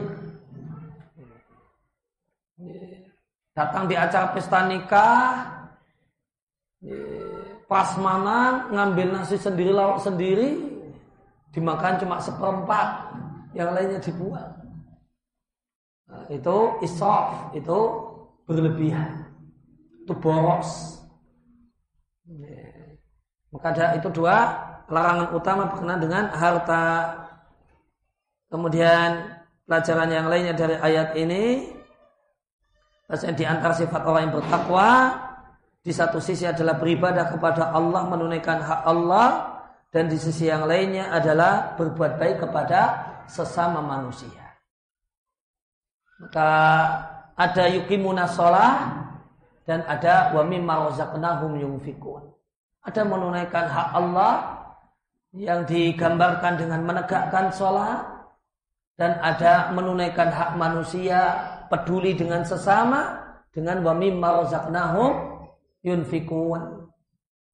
Dan inilah yang ditegaskan oleh para ulama di antaranya adalah Imam Nawawi rahimallahu taala tentang siapa itu orang yang soleh. Siapa itu laki-laki soleh, siapa itu wanita solihah. Intinya adalah yang namanya orang soleh itu menunaikan hak Allah dan menunaikan hak manusia. Bukanlah orang yang soleh, orang yang menunaikan hak Allah, rajin ibadah, rajin puasa, rajin sholat, namun tidak menunaikan hak manusia, tidak menunaikan hak istri, hak anak, hak kerabat dengan silaturahim, hak orang tua dengan berbakti, hak tetangga, hak kawan. Ini bukan orang yang soleh. Non orang yang peduli dengan manusia namun tidak menunaikan hak Allah dengan bertauhid beribadah hanya kepadanya dengan mengerjakan ibadah sholat dan yang lainnya juga bukan orang yang soleh. Orang yang soleh adalah orang yang memadukan antara menunaikan hak Allah dengan hak manusia. Maka prinsip orang yang soleh adalah sebagaimana, sebagaimana nasihat Salman Al Farisi kepada Abu Darda, yaitu faktikuladi hakin hakkahu tunaikan kepada semua pihak yang punya hak-haknya masing-masing. Kemudian e, sifat orang yang bertakwa selanjutnya sekilas saja adalah orang yang beriman dengan wahyu yang diturunkan kepada sang Nabi Shallallahu Alaihi Wasallam. Demikian juga mengimani wahyu dan kitab-kitab suci yang lainnya. Wabil akhirati hum yukinun dan yakin dengan akhirat. Maka itulah ulaika ala hudam mirabbihim wa ulaika humul muflihun mereka itulah orang-orang yang di atas hidayah dari Rob mereka dan hanyalah mereka orang-orang yang beruntung Dan jika kita membaca Al-Quran, maka akan kita jumpai ada ungkapan yang khas. Kalau hidayah, itu digunakan kalimat di atas hidayah. Ala hudan mi'abbi. Kalau sesat, itu bahasa Al-Quran, fidolalin. Berada di dalam kesesatan. Berada di dalam kesesatan. Hidayah di atas hidayah di atas petunjuk. Kalau hidayah itu pakai ala. Kalau sesat itu pakai fi. Untuk menunjukkan bahasanya orang yang mendapatkan hidayah itu mulia sehingga di atas. Sedangkan orang yang sesat itu hina sehingga di dalam. Di dalam kesesatan. Kalau hidayah ya tidak di dalam hidayah namun di atas hidayah di atas untuk menunjukkan satu hal yang mulia demikian yang kita bahas dalam kesempatan kali ini. Ya, sebagai materi wasallallahu ala nabiyina Muhammadin wa ala alihi washabihi wasallam dan uh, dari panitia ya, diminta ada sesi tanya jawab. Ya, silahkan jika ada pertanyaan yang ingin disampaikan terutama berkenaan dengan tema kita atau materi kita.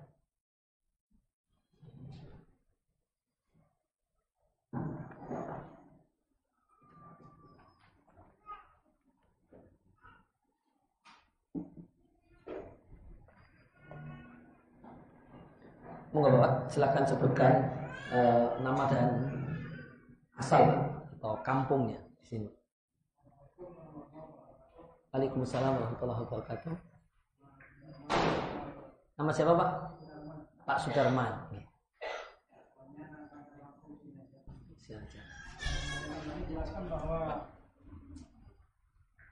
Tes, tes. Tadi dijelaskan bahwa orang pilihan adalah orang yang bertakwa. Tentu saja dalam hal ini orang yang paling bertakwa di dunia adalah Nabi Muhammad SAW. Diteruskan oleh Abu Bakar, Umar dan seterusnya. Kemudian kita-kita yang hidup di zaman ini tentunya kan jauh baik itu waktu maupun kualitasnya dibandingkan dengan para sahabat. Namun tadi dijelaskan bahwa kita-kita orang yang bercoba mencoba untuk bertakwa zaman ini ini kan tidak bisa melampaui kualitas mereka. Lalu bagaimana kondisi kita semua di surga nanti? Apakah pasti jauh di bawah mereka atau mungkin ada semacam semacam apa promosi gitu ya bahwa kita walaupun jauh bisa meraih kedudukan mereka. Demikian mohon dijelaskan. Ya. Terima kasih. Ya, terima kasih Pak Sudarman atas pertanyaannya. Uh, maka apa yang jadi pemikiran Pak Sudarman sudah juga dipikirkan oleh para sahabat. Sahabat yang merasa level saya jauh dari Nabi, jauh dari Abu Bakar, Umar, Utsman, Ali. Gimana nasibnya? Di antaranya ini dipikirkan oleh sahabat Anas bin Malik. Dan beliau mengatakan tidak ada sesuatu yang lebih menggembirakan kami dibandingkan sabda Nabi Shallallahu Alaihi Wasallam Al-mar'u ahabba. Seorang itu bersama dengan yang dicintainya. Bersama orang yang dia cintai. Maka Anas kemudian mengatakan, saya mencintai Nabi, saya mencintai Abu Bakar, saya mencintai Umar. Meskipun saya itu amalnya tidak ada apa-apanya dengan Nabi, amalnya tidak ada apa-apanya dengan Abu Bakar dan Umar, saya berharap agar bisa bersama mereka di akhirat. Agar bisa bersama mereka di akhirat. Maka Anas mengatakan, saya sadar amalnya tidak ada apa-apanya dibandingkan Nabi Abu Bakar dan Umar. Meskipun demikian, ada hal, ada kalimat yang sangat menggembirakan dari Nabi. Dengan Nabi katakan, Al-mar'u man ahabba. Seseorang itu akan bersama dengan yang dia cintai. Maka cintailah Nabi sepenuh hati, cintailah Abu Bakar, cintailah Umar, cintailah Utsman, cintailah Ali dan cintailah para sahabat yang lain, maka kita akan bersama mereka. Itu kabar gembira dari Nabi pada kita-kita yang ya, amalnya tidak ada apa-apanya dengan mereka. Nabi katakan ada kabar gembira, modal utama adalah cinta.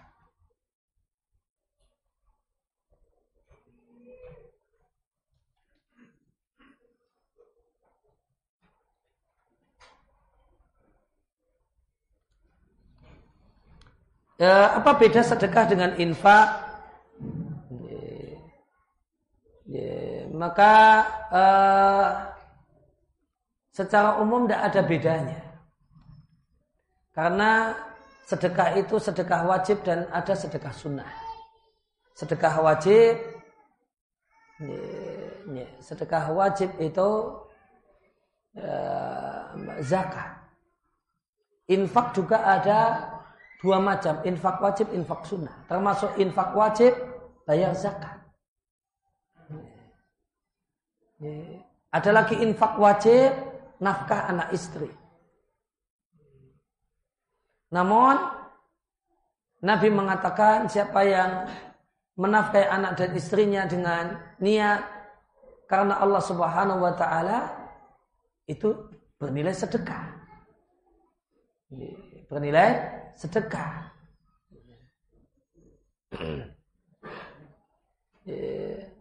Nabi mengatakan pada Sa'ad bin Abi Waqqas, "Wala tunfiqu nafaqatan tabtaghi biha wajah Allahi illa kutiba laka shadaqatan." Dan semua uang yang kau keluarkan, harta yang kau keluarkan, asalkan niat karena mencari wajah Allah, maka tercatat sebagai sedekah. Jadi kalau dilihat dari dilihat dari sisi uh, ini, ya, apakah ada perbedaan sedekah dengan infak? Karena masing-masing sedekah itu ada sedekah wajib, sedekah sunnah. Infak itu ada infak wajib, infak sunnah. Maka tidak ada perbedaan yang signifikan antara sedekah dan infak. Hanya saja kalau infak itu disebut infak dilihat dari sisi mengeluarkan harta.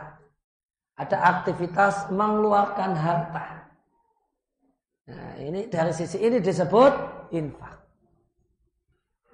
Sedangkan sedekah itu disebut sedekah dari sisi hati. Dari sisi hati. Bahasanya sedekah dengan harta itu menunjukkan sidkul iman, kejujuran iman.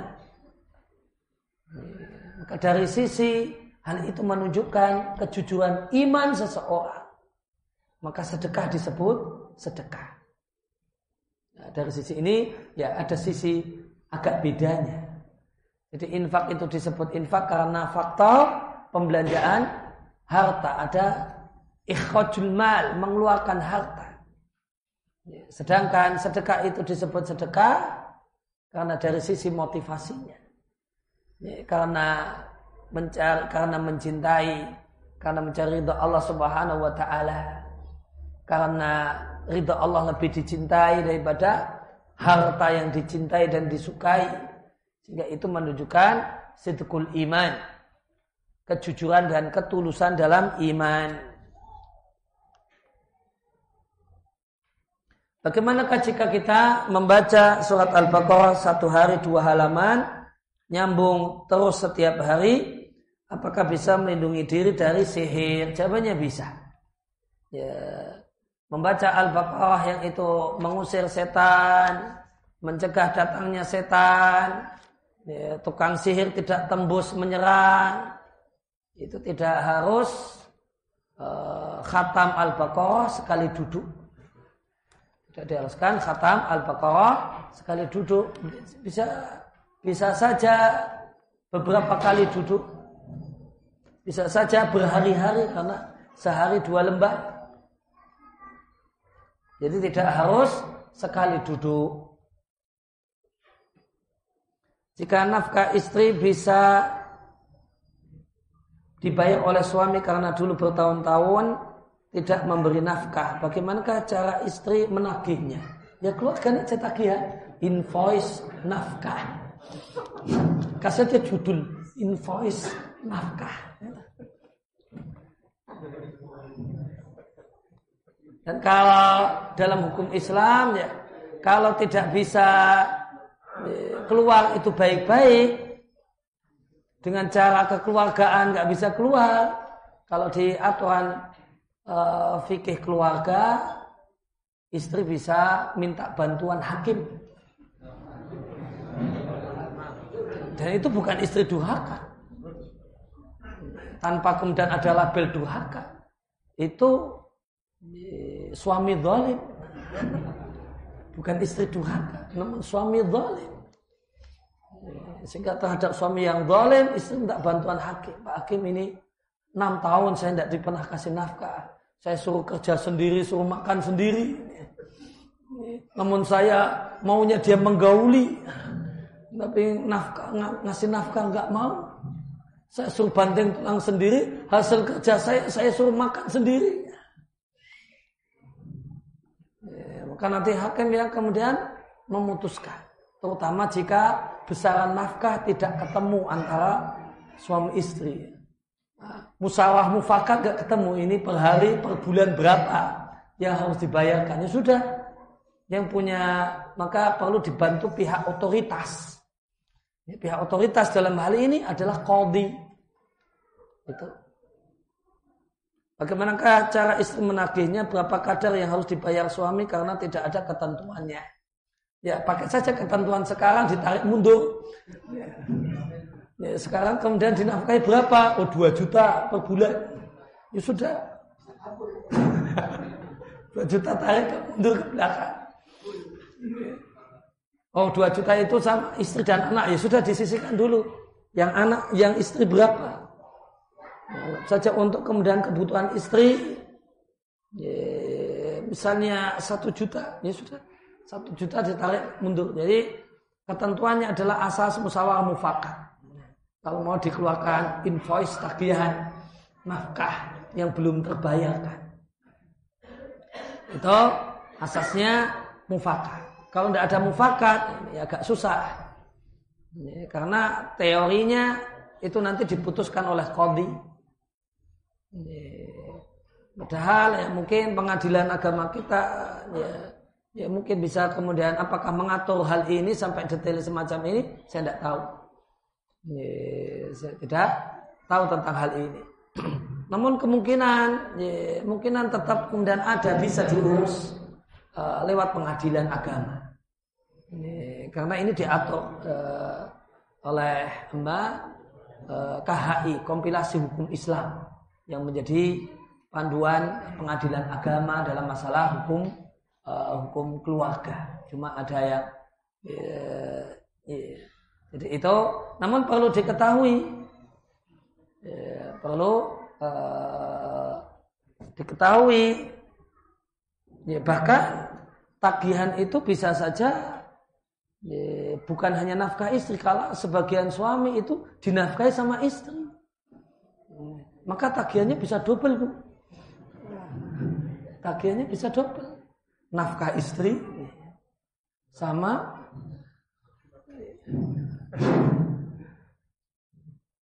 ya, suami dinafkahi istri dan istri minta diganti. Ketika istri suami itu tidak kerja, ya, boleh jadi PHK atau karena malas kerja, akhirnya dinafkahi oleh istrinya istrinya menafkahi diri sendiri plus ditambah nafkahi suami. Itu invoice-nya bisa dua bu. Invoice berkenaan dengan nafkah istri. Dengan nafkah istri. Kemudian nafkah suami yang ketika itu ditanggung istri. Dengan catatan, kalau untuk yang kedua ini ada catatannya. Ketika kemudian memberi nafkah kepada suami itu, di hati ada niat untuk nanti ditagihkan. Kalau kemarin itu ngasihnya lillahi ta'ala, nggak bisa tidak bisa ditagihkan. Sudahlah kemudian dibantu nih, sayang suami, sayang suami.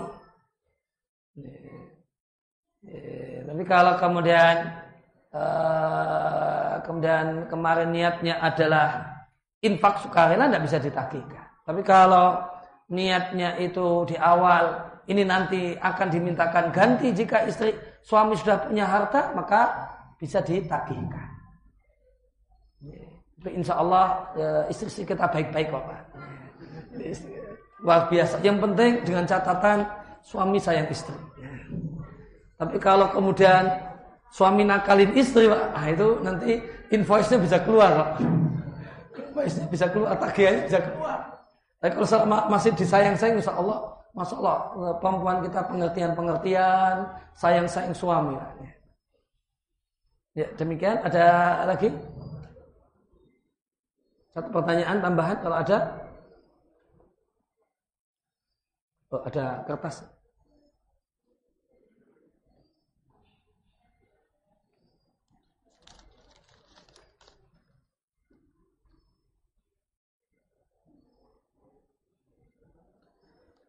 Kalau sudah bercerai, apakah masih ada nafkah untuk istri ya? Sudah tidak lagi istri statusnya. Kan nafkahnya nafkah istri. Kalau cerai berarti sudah mantan istri, sudah bukan istri. Maka apakah ada nafkah? Jawabannya tidak ada secara syariat tidak ada. Secara syariat tidak ada kewajiban untuk menafkahi mantan istri. Adanya nafkah untuk anak. Ketika anak itu bersama istri, bersama ibunya, maka nafkah anak tetap kewajiban bapaknya. Hanya saja pengasuhan itu di tangan eh, pengasuhan di tangan eh, istri. Ketika anak itu eh, terjadi perceraian, anak ikut istri, maka yang ada adalah nafkah anak, nafkah istri sebagai istri tidak ada, cuma ada upah pengasuhan. Cuma ada upah pengasuhan. Ini anaknya masih bayi, ya, kemudian harus mandikan, harus ini, harus bangun tengah malam, macam-macam. Itu kalau jadi istri gratis, Pak. Pengasuhan itu, kalau statusnya istri, itu gratis. Kalau berpisah, bisa ditagihkan. Bisa jadi invoice Pak. Uang pengasuhan, nafkah pengasuhan.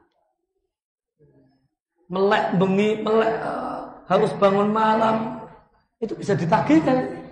Ini biaya ngurusi anakmu ini. Nah, ya, anakmu berapa ini? Sebulannya. Itu bisa ditagihkan. Kalau kemudian suaminya nggak mau bayar, ya serahkan saja bayinya itu kepada bapaknya. Ini anakmu, silahkan urusi. Melek bengi, melek bangun malam sana, bikinkan susu, macam-macam. Itu ya, itu bisa uh, demikian. Maka ada nafkah anak, kemudian ada biaya pengasuhan. Tapi kalau nafkah istri tidak ada. Nafkah istri tidak ada. Ya, paling bantal ya, istri bisa ya, mendapatkan biaya pengasuhan.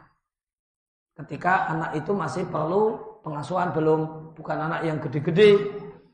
Ya, kemudian secara umum masih anak-anak masih perlu begini, masih perlu begitu. Ya, masih kemudian perlu ditangani, perlu disuapi, perlu dimandikan, perlu di ini, perlu belum mandiri. Nah, itu nanti di situ ada biaya pengasuhan.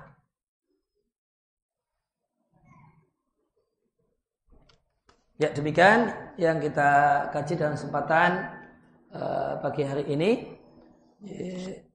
Seiring berdoa kepada Allah Subhanahu Wa Taala, karena Allah jadikan uh, kehadiran Bapak dan Ibu sekalian di majelis ini sebagai amal soleh yang memperberat timbangan kebajikan Bapak dan Ibu sekalian di sisi Allah Subhanahu wa taala itu amal kebajikan berupa tolabul ilmi ya, dia yang memperberat timbangan kebajikan bapak dan ibu sekalian di sisi Allah Subhanahu wa taala di hari tidaklah bermanfaat harta dan anak kecuali orang yang menghadap Allah dengan hati yang bersih dan amal soleh. Dan diucapkan terima kasih kepada segenap panitia dan segenap pihak yang berkontribusi dengan terselenggaranya acara ini. Jazakumullah khairan. Semoga Allah balas dengan yang lebih baik di dunia dan di akhirat terima kasih atas kehadiran dan perhatian. Mohon maaf atas segala kekurangan. Wasallallahu ala nabiyina Muhammadin wa ala alihi washabihi wasallam wa akhiru da'wana alhamdulillahi rabbil alamin. Subhanaka allahumma wa bihamdika. Asyhadu an la ilaha illa anta astaghfiruka wa atubu ilaik. Wassalamualaikum warahmatullahi wabarakatuh.